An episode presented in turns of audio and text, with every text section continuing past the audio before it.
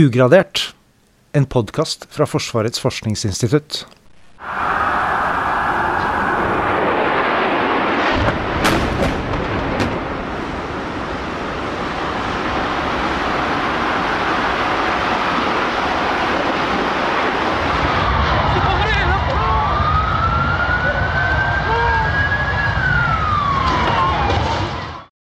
Lydene vi hørte her, er jo fra Manhattan 11.9.2001.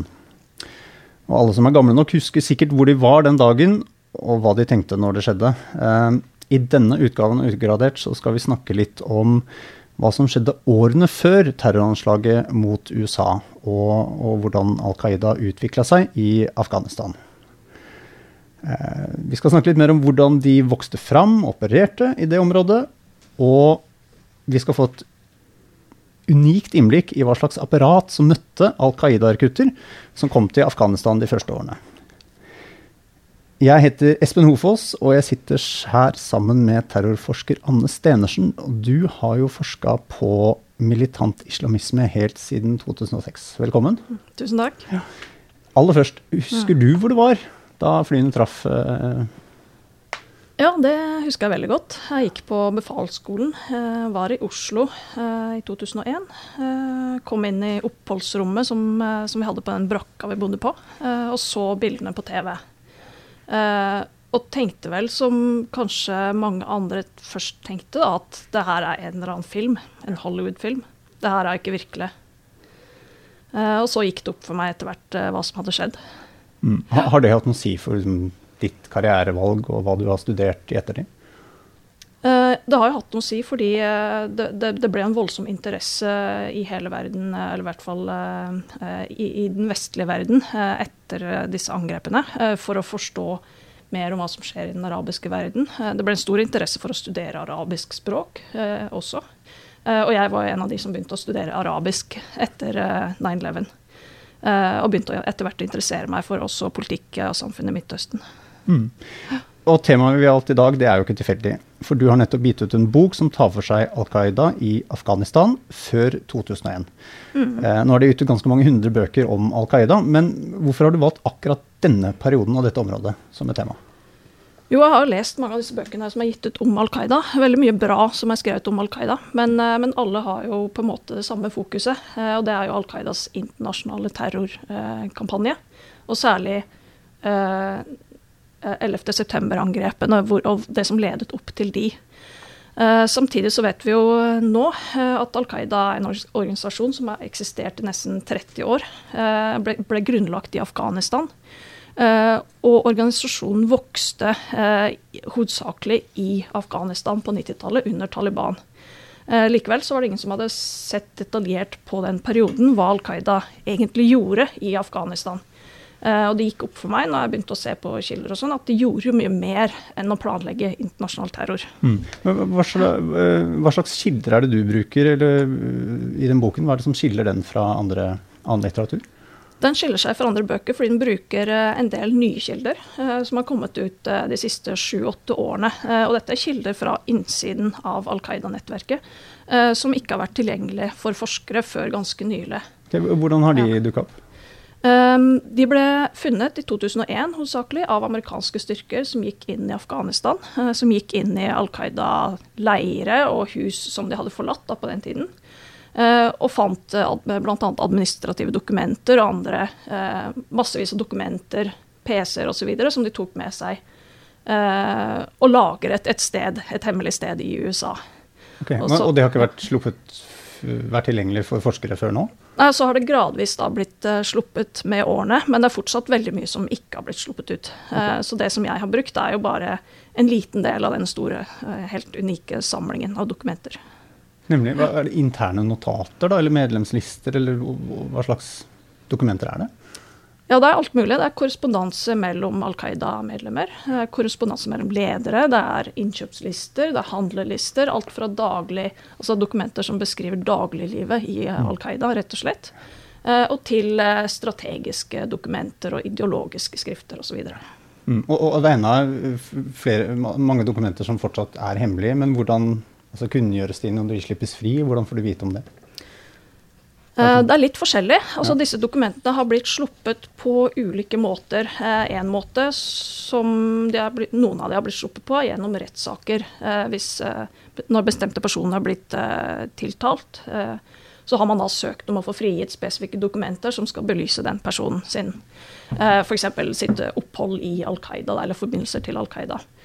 Så rettsdokumenter er en kilde, og de blir etter hvert offentliggjort. En annen kilde er amerikanske forsvaret selv, som har frigitt en del dokumenter for forskningsformål, rett og slett. Uh, og det har de blitt mye flinkere til uh, de senere årene. Um, og en tredje kilde er journalister som også fant noen dokumenter i Afghanistan, uh, uavhengig av de amerikanske styrkene. Mm. Og du skriver, skriver jo i, i, i, boka di om Al Qaida ikke bare som en internasjonal terroristorganisasjon eller nettverk, Eh, men også at de mm. var veldig aktive på hjemmebane for å si det sånn, i Afghanistan. Og, og at de mm. var aktive og byg, bygget en organisasjon. Altså, hvordan ja. var det de, Hva var det de gjorde? Al Qaida gjorde veldig mye som man kanskje ikke har tenkt over, eller som man kanskje ikke vet, da, for, i og med det, det, her fokuset på Al Qaida som internasjonal terrororganisasjon. Mm. Og Man har jo hørt om disse treningsleirene, hvor de f.eks. trente disse eh, som skulle kapre flyene på 11.9. osv. Eh, men det man kanskje ikke vet, er at Al Qaida hadde store treningsleirer. Det var flere hundre personer som gikk gjennom disse treningsleirene, eh, og som lærte alt fra eh, grunnleggende bruk av våpen, grunnleggende taktikk, som lærte hvordan skyte med artilleri, hvordan lære, og hvordan drive med geriljakrigføring. Og dette hadde jo tydeligvis andre formål enn å gjennomføre internasjonale terroroperasjoner. Mm. Så var det jeg ville finne ut, da, hvorfor gjorde de alt dette her? Ja, hva, hva, hva slags, eh, altså Du mener at de hadde et, et, annet, eller to parallelle mål? Hva, var det andre mm. de ville oppnå? Uh, ja, Det andre var jo som du sa, å bygge en sterk organisasjon og å støtte Taliban. Det var jo Taliban som drev staten i Afghanistan på den tiden, hvor Al Qaida var gjester og fikk drive treningsleirer. Eh, Taliban var, eh, eller erklærte seg selv som en islamsk stat med islamske lover. Eh, og, det, og, og, begynte med et statsbyggingsprosjekt da, hvor de skulle bygge et ideelt eh, islamsk samfunn. Og dette var en sak som bin Laden trodde på, og som Al Qaida ønsket å støtte. Eh, og Det gjorde de bl.a. ved å bidra til denne statsbyggingen på flere områder. Eh, de drev skoler, de drev, men først og fremst da, så bidro de militært ved å sende folk til Taliban sin frontlinje. Hmm. Hva slags skoler var det de drev? Eh, det var jo arabisk skoler, og hovedsakelig da religiøse skoler.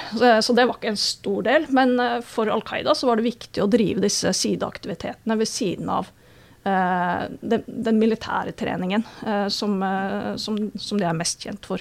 Mm. Men, men, hadde de et mål om, om å, sette inn islamsk styre også andre steder enn Afghanistan? Al Qaida hadde som mål å støtte eh, grupper som ønsket å innføre islamsk styre andre steder. Eh, de hadde et slags eh, internasjonalt eh, de, de, hadde et internasjonalt mål eh, hvor de ønsket å støtte lokale grupper der de måtte oppstå. Eh, så Afghanistan var en av de første mulighetene de fikk til å støtte et sånt statsprosjekt. Og de så for seg på lengre sikt at de skulle trene opp folk til å dra ut i verden, nær sagt, eh, og støtte statsprosjekter andre steder også. Eh, og også revolusjoner, selvfølgelig.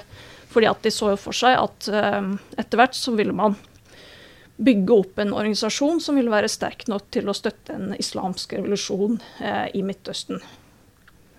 Som skulle starte i ett land da, og spre seg utover. يحمل سيفه تسيل دماء الكفر منه وتقطر فعادت لنا حطين بعد غيابها وعادت إلى الأذهان بدر وخيبر وذي أمة الإسلام Al Qaida ble grunnlagt i 1988, og det er kanskje ikke alle som kjenner hele den eh, historien. Altså, hva var den direkte bakgrunnen til at den uh, organisasjonen ble starta? Osama bin Laden kom til eh, Afghanistan uh, på 1980-tallet for å støtte det som kaltes mujahedin, altså de afghanske geriljakrigerne som slåss mot uh, det de anså som sovjetisk okkupasjon av Afghanistan.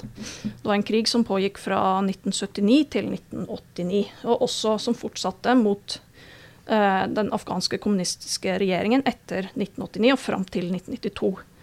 Eh, og disse mujahedin de ønsket å innføre en, eller de ønsket først og fremst å kjempe mot en Eh, kommunistisk okkupasjon. Eh, men en del av de ønsket også å, å, innføre en islamsk stat i stedet. Når de da hadde jagd ut sovjeterne. Ja, Så, så eh, Al Qaida var på en måte en del samarbeid, eller var en del av mujahedin? Ja, de var en del av mujahedin. Eller de, de, de støttet mujahedin. Først og fremst med penger, med donasjoner med propaganda, altså det å gjøre Mujahedins sak kjent i Midtøsten. Eh, det var det viktigste bidraget de første årene. Eh, og etter hvert så, så, bestemte bin Laden eh, og enkelte andre seg for også å støtte Mujahedin militært. For det var en del unge menn som kom fra Midtøsten som ønsket å slåss. rett og slett. De ønsket å delta i det som de kalte jihad, eller hellig krig. Og de ønsket å eh, å slåss for, eh, for, den islamske saken. Og, og eh, kanskje ofre livet og bli martyrer. Eh, dette var noe som etter hvert ble viktig, eh, og som bin Laden da bidro til ved å bygge bl.a. treningsleirer for disse, disse, som kom fra Midtøsten. Mm. Lydklippet vi hørte litt tidligere, det er jo fra den første propagandavideoen til, til eh, Al Qaida. Mm. Eh, og vi hører jo Osama bin Laden snakke. Er det, er det riktig å si at han aleine var sjefsarkitekten som, som, tok initiativ til den organisasjonen, eller vokste Al Qaida fram fra et større miljø? Nei, Det vokste fram fra et miljø, eh, og det var mange organisasjoner som vokste fram samtidig. og bin Laden var én liten del av dette miljøet. Uh, som vi gjerne kaller afghaner-araber-miljøet uh, på norsk. Det Dvs. Si araberne som dro til Afghanistan på 80-tallet. Uh, bin Laden var i begynnelsen en ganske liten og ubetydelig person. Han var en av de som kom med penger. Han var en av de som hadde kontakt med rike saudi-arabere som ville donere penger til Mujahedin. Men rundt han så var det andre som på den tiden var mye, viktige, som, som var mye viktigere og mye mer innflytelsesrike. Eh, men han ble etter hvert eh, eh kjent, bl.a. fordi han, eh, han, deltok i noen eh, slag eh, mot sovjeterne i Afghanistan som fikk stor oppmerksomhet. Mm. I formålsparagrafen fra, fra, de startet opp, så, så heter det veldig sånn løst oversatt, at de skal etablere sannhet, bli kvitt ondskap og etablere en islamsk nasjon. Vi snakka jo litt om det i stad, men mm. mente de da Afghanistan spesielt, eller, eller var det generelt, mer generelt alle muslimske land? Dette var et, et, generelt mål, at man skulle kjempe for islam. Altså i islam, eller den delen av uh, den typen islam som da bin Laden og disse andre sto for. Uh, så er det ikke noe som heter nasjoner eller land, sånn som vi kjenner Afghanistan, Pakistan, Saudi-Arabia osv. Men den, de snakker om den islamske Oman, eller den islamske nasjonen. Eh, Dvs. Si at alle muslimer er ett folk. Og ideelt sett så skal alle leve da sammen i ett stat, eller kalif et kalifat, som det også kalles. Hmm. Men, men, når var det egentlig Al Qaida begynte å se på altså De hadde jo flere virkemidler for å nå dette målet, men når var det de hmm. begynte å se på terror som en metode? Og, og hvorfor begynte de å ta den strategien i, i bruk? Ja, Det er litt omdiskutert hvordan det her egentlig begynte. Um, men uh, det som virker ganske tydelig, det er at Al Qaida ikke var noen terrororganisasjon i begynnelsen. Altså fra 1988 til rundt 1992 så var Al Qaida mer en ren geriljagruppe. Og det ser man på det de trente på i treningsleirene. Det var rett og slett hvordan bruke Kalasjnikov, hvordan, eh, eh, hvordan operere som en gerilja eh, i fjellendt terreng osv. Eh, og dette hadde veldig lite med flykapring og internasjonal terrorisme å gjøre, sånn som vi kjenner det fra senere. Eh, så dette var nok noe som utvikla seg uh, utover på 90-tallet. Uh, og det hadde også å gjøre med at bin Laden kom i kontakt med andre, bl.a. egyptere, som allerede hadde erfaring med terrorisme som, som metode fra, fra, ja, fra konflikten i Egypt på 90-tallet. Vi husker kanskje disse turistene som ble angrepet i Egypt på 90-tallet og sånn. Mm. Eh, og det er eksempler på at man i Egypt hadde, hadde en terrorkampanje som begynte allerede fra tidlig 90-tall. Eh, der brukte de altså terrorisme som metode, eh, og det smittet etter hvert over på Al Qaida. Bin Laden ble da overbevist om at dette eh, var det eneste middelet som, som ville være effektivt for å kjempe mot det som han da anså som sin hovedfiende, som, som da var USA. Nemlig, etter hvert. For, for, for et, etter at Al Qaida startet opp, så, fikk vi jo invasjonen i Irak, og eh, USA ble mer aktiv militært i Midtøsten. Det har vel kanskje hatt noe å si, det også?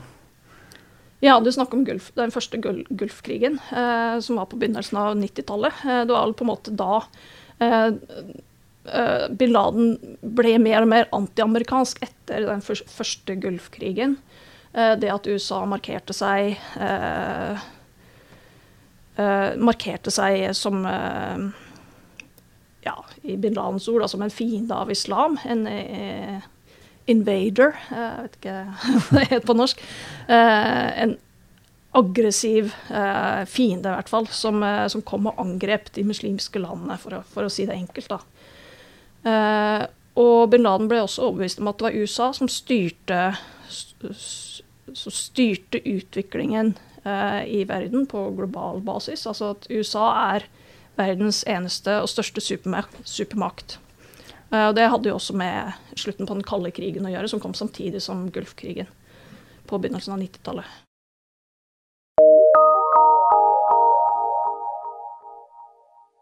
I perioden etter 92 eh, så, så trakk Al Qaida seg gradvis ut og, og var mindre af, eh, aktiv i Afghanistan. Hva, mm. hva kommer det av?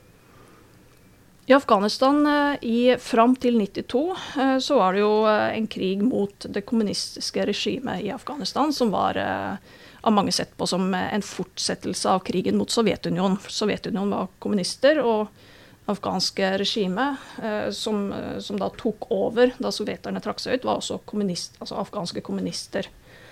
Eh, det regimet falt i 1992, da Mujahedin tok makten eh, i Kabul. Eh, men deretter så utvikla dette her seg til en borgerkrig mellom de ulike Mujahedin-fraksjonene. Og det var en krig mellom muslimer, som da bin Laden ikke kunne godta.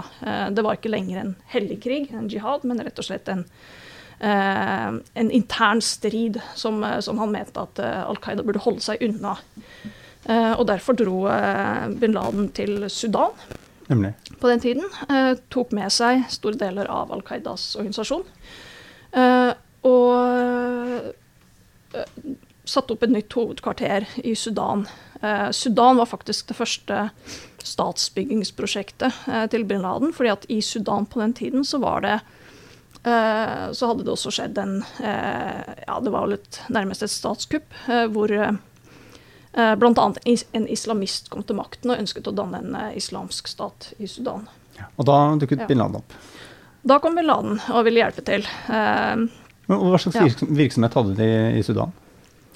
I Sudan så drev bin Laden mye som en, som en businessmann. Det hadde han for så vidt også gjort i Afghanistan. Han drev jo med um, Han drev jo med um, hans bakgrunn var jo fra ingeniør, ingeniør og byggebransjen ikke sant, i Saudi-Arabia. Eh, og i Afghanistan så, så, drev han og organiserte bygging av eh, huler og bygging av treningsleire. Eh, brakte med seg disse store eh, byggemaskinene fra, fra, utlandet til Pakistan eh, osv. Eh, Bygde veier, ikke minst, eh, i Afghanistan og Pakistan. Eh, og det fortsatte han med i Sudan. Han eh, kjøpte opp industribedrifter. Han bygde flyplass, hvis jeg husker riktig, i Sudan. han bygde veier. involverte seg i jordbruket. jordbruksindustrien.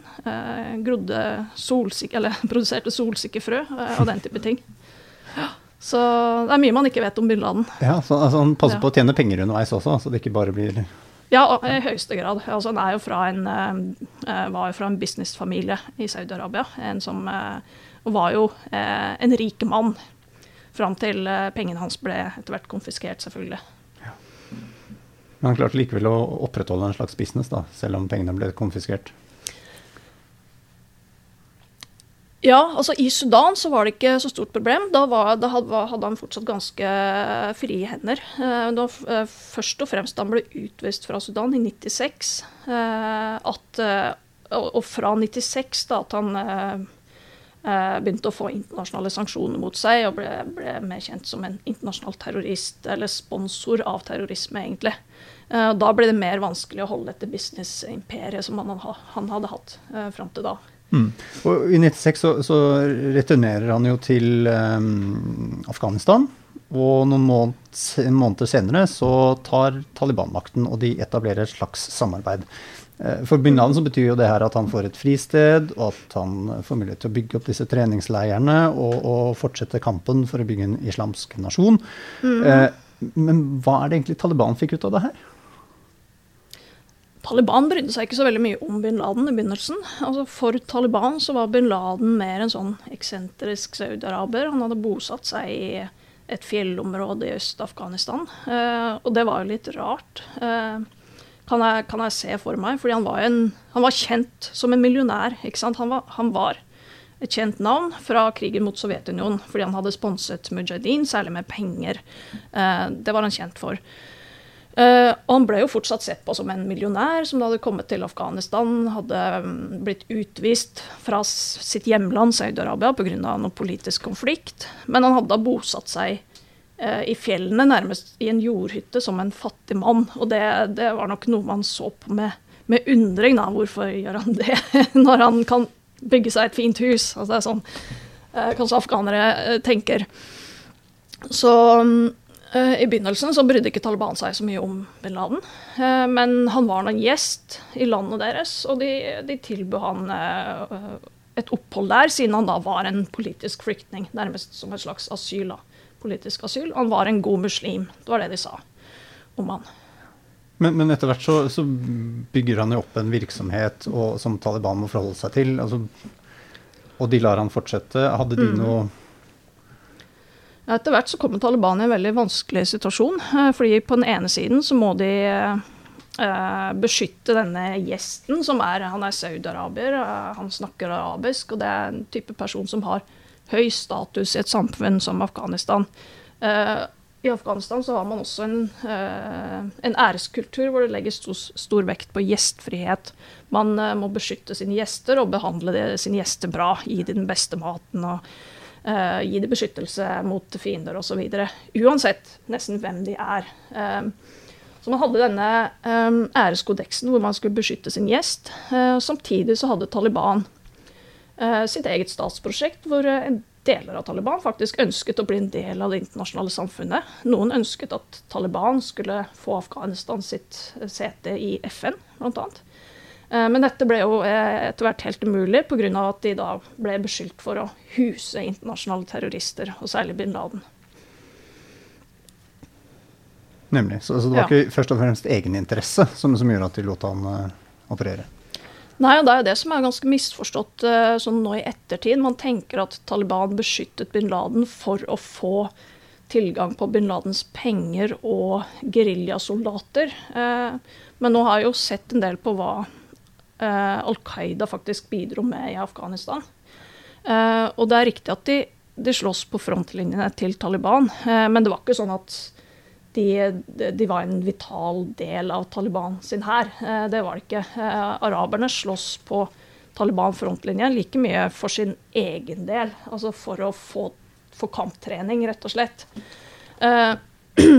og av Taliban så ble de ofte satt i bakre rekke av fronten. altså De ble ikke sendt fram i fremste rekke som de tøffeste angrepsstyrkene, men de ble satt plassert i bakkant nærmest for å eh, Kanskje fordi de ønsket å beskytte de, eller for, eh, også fordi at de eh, dette var utlendinger som ikke kjente lokale terreng osv.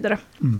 Litt mer eh, symbolske, symbolske Ja, mer en sånn symbolsk, en mm. symbolsk rolle. Eh, så dette var ikke noe som, eh, som egentlig Taliban fikk så veldig mye ut av, eh, rent militært. Og heller ikke økonomisk. Eh, på den tiden så, eh, så hadde nok ikke bin Laden så, så, mye penger som, som man kanskje skulle tro, da.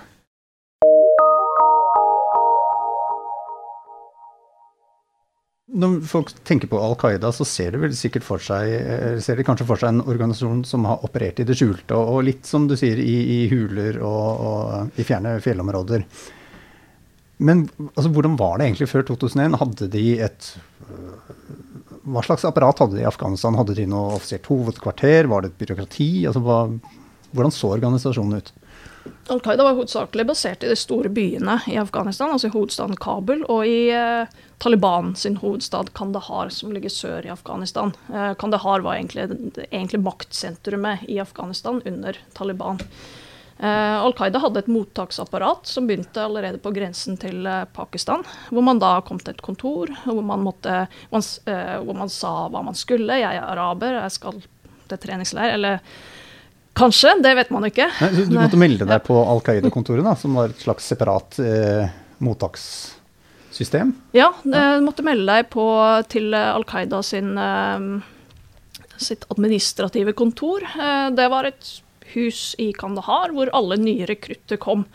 Eh, hvor de da måtte fylle ut, eh, fylle ut et skjema eh, med navn, adresse, personalia osv. Uh, hvor de også da kunne beskrive hva de ønsket å få ut av oppholdet, om de ønsket å bli martyr f.eks. Uh, og den type ting. Og også hva slags yrke de hadde hatt fra før, hva slags kunnskaper de hadde, som, som da Al Qaida kanskje kunne uh, bruke. Al Qaida brukte jo disse skjemaene for å få en oversikt over hvilke folk som kom. Uh, på et tidspunkt kom det jo f.eks. en som hadde pilottrening. han ble jo en av de pilotene på 11.9. Mm. Livet som Al Qaida-rekrutt i 1999, altså hvordan var hverdagen mm. for de? De beskrivelsene som jeg har lest av såkalte fotsoldater, sier at eh, det var, det var faktisk veldig, my, veldig kjedelig, veldig mye venting. Mm. Uh, og det er det jo ofte i krig. Det er ikke så mye action som det er på film. det er veldig mye venting, uh, også for de som uh, var, var, utplassert ved fronten. Som jeg, som jeg, sa tidligere, så, så var jo Al Qaidas eh, folk plassert ofte i bakkant som en slags reservestyrke, mer enn at de fikk være med på, på action.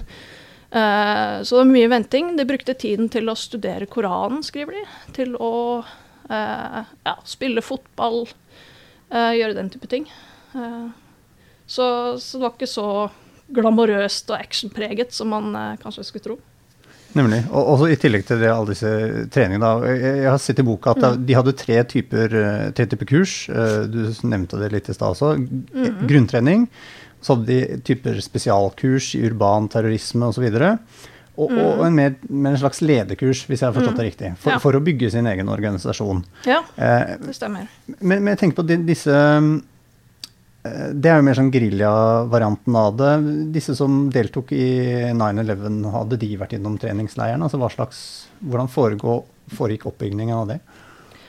Ja, nå så jeg jo spesifikt på det i et kapittel av boka. Hva gjorde egentlig de rekruttene som var med på disse internasjonale terrorangrepene? Eh, eh og det som er typisk for deres eh, Eh, eller si for deres karriere da, i, i Al Qaida, er at de kommer til Afghanistan. Og de blir gjerne plukket ut eh, blant, altså, blant eh, massene av rekrutter som kommer til Afghanistan. men de blir separert fra de andre veldig tidlig og blir holdt på separat sted. Og de får ikke ha kontakt med de vanlige rekruttene. og så går de gjennom et eget treningsopplegg med, med eh, dedikerte trenere alt bare for, for de. Eh, og dette var noe som Al Qaida gjorde helt bevisst av sikkerhetshensyn. Altså, de ville ikke at de, de, som skulle være involvert i internasjonal terrorisme, skulle ikke ha kontakt eh, med resten av Al Qaida. Og resten av Al Qaida skulle ikke vite om, eh, vite om, disse operasjonene, rett og slett. For at de skal kunne bli holdt hemmelig? Ja. ja. Eh, og det var også viktig for uh, Al Qaida på den tiden å holde, holde hemmelig at det var Al Qaida som sto bak disse operasjonene.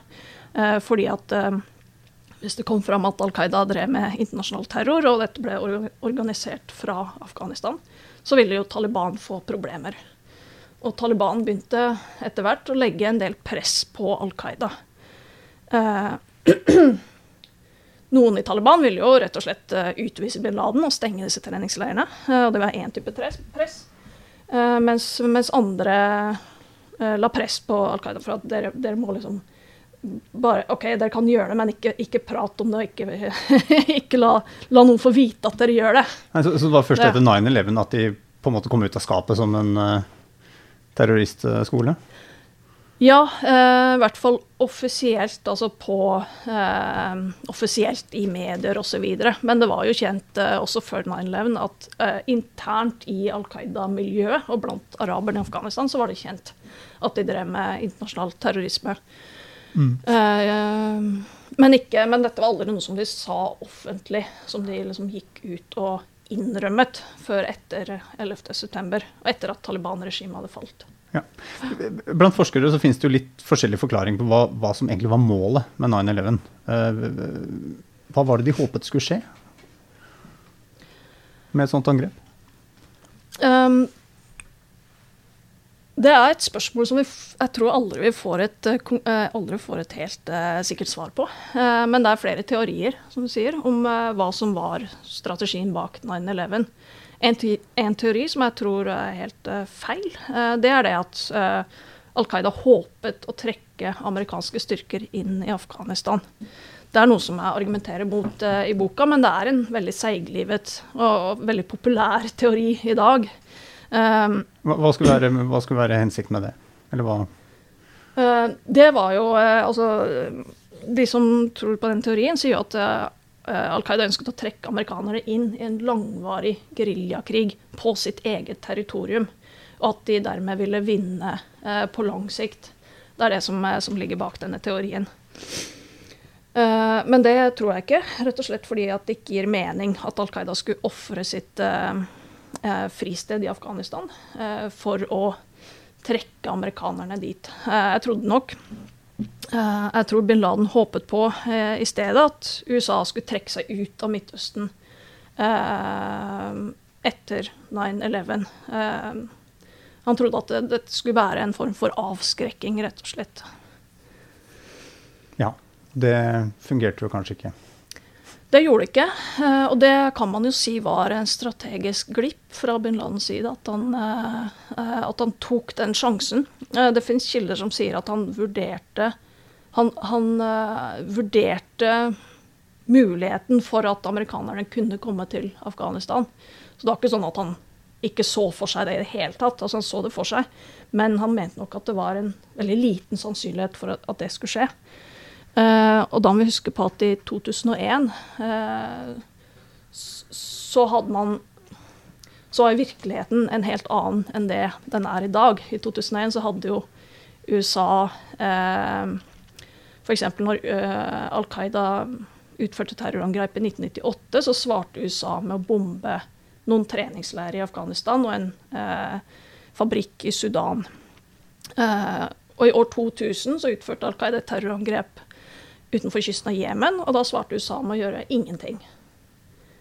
Uh, og det var nok dette bin Laden baserte seg på når han gjorde disse vurderingene. Det var jo det at USA uh, var svak. De ville kanskje svare med å bombe noen treningsleirer, men neppe noe mer enn det.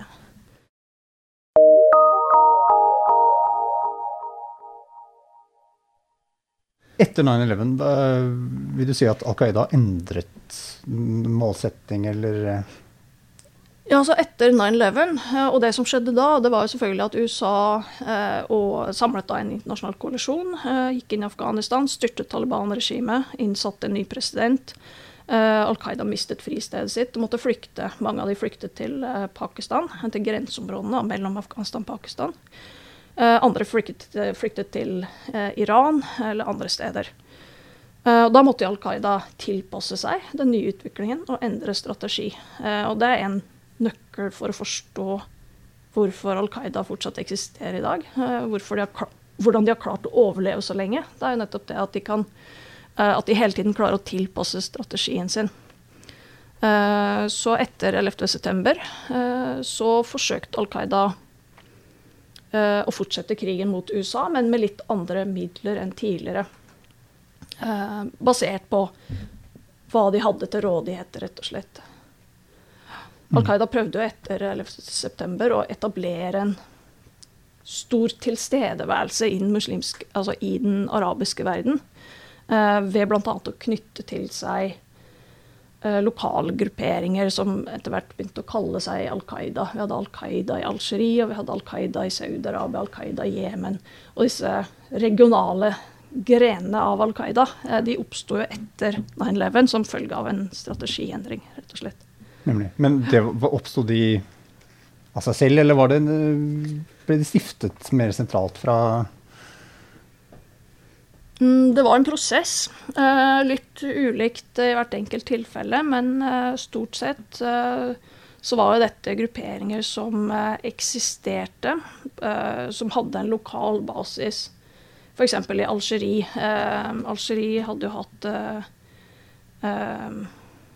militant islamisme siden ja, Man kan jo gå langt tilbake, men i hvert fall siden 90-tallet så var det en eh, veldig blodig borgerkrig i Algerie. Man hadde gruppen GIA, som etter hvert ble til eh, gruppen GSPC, og som etter hvert ble til Al Qaida i eh, det islamske Maghreb, som de kalte seg. Okay. Så dette var eh, Al Qaida-grupperingen der hadde røtter helt tilbake til 90-tallet, og til veteraner fra krigen i Afghanistan. Eh, som hadde da personlige historiske bånd til eh, Al Qaida-ledere, eh, mm. som gikk langt tilbake. Men det var en formell prosess det var, som foregikk hovedsakelig gjennom brevveksling mellom ledere i Algerie f.eks. og disse andre stedene, og Al Qaida-ledere i Afghanistan, Pakistan. Mm. Hvor står Al Qaida i dag, egentlig? Det er det store spørsmålet. Um, jeg tror nok Al Qaida vil Al Qaida er ikke borte.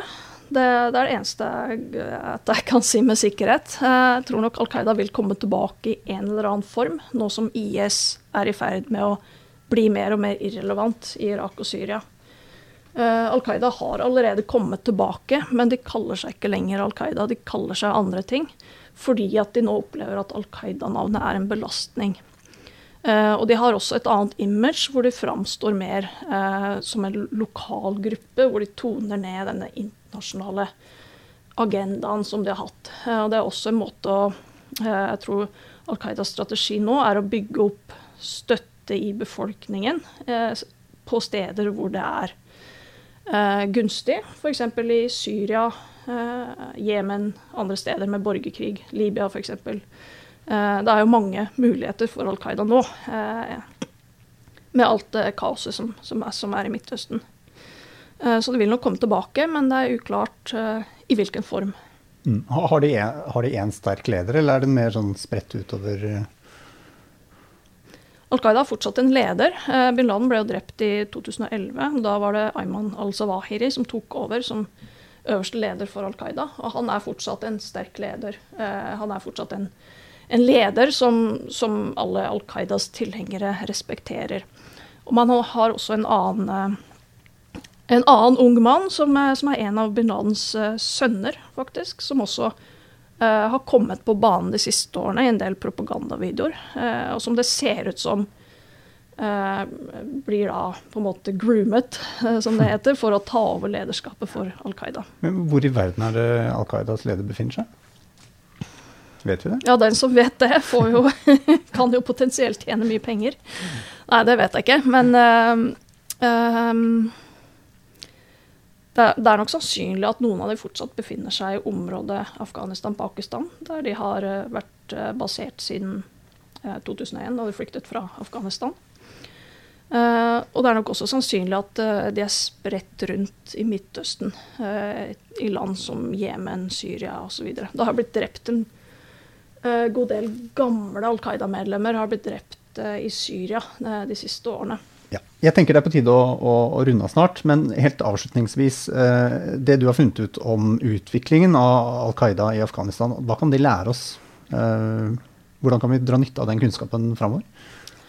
Det er viktig å forstå hva Al Qaida var, for å forstå hva Al Qaida er i dag. Jeg tror dette er noe som har vært misforstått hele veien, hva Al Qaida var og er. Og det preger fortsatt um, måten vi, vi, vi, takler internasjonal terrorisme på. Uh, det, er, så det er noe som er viktig å ta med seg, at Al Qaida er De er ikke bare én ting. Altså de er veldig fleksible, de, til, de, er veldig tilpasningsdyktige.